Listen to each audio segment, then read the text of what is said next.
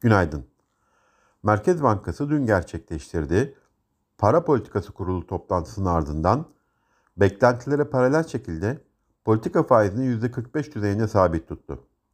Açıklama metnindeki en önemli değişiklik enflasyon görünümü üzerinde belirgin ve kalıcı riskler oluşması durumunda parasal sıkılığın gözden geçirileceği ifadesi yerine enflasyon görünümünde belirgin ve kalıcı bozulma görülmesi durumunda para politikası duruşunun sıkılaştırılacağı ifadesine yer verilmesi oldu. Türkiye Cumhuriyeti Merkez Bankamızın brüt rezervleri 16 Şubat haftasında 0.7 milyar dolar azalarak 134.9 milyar dolara gerilerken bunun 0.3 milyar doları döviz rezervlerindeki düşüşten kaynaklandı. Altın rezervleri ise 0.4 milyar dolar azaldı. Bugün yurt içinde kapasite kullanım oranı ve reel sektör güven endeksi yayınlanacak.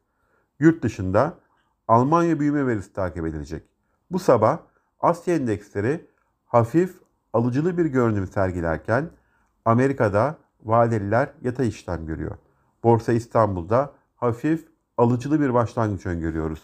İyi günler, bereketli kazançlar.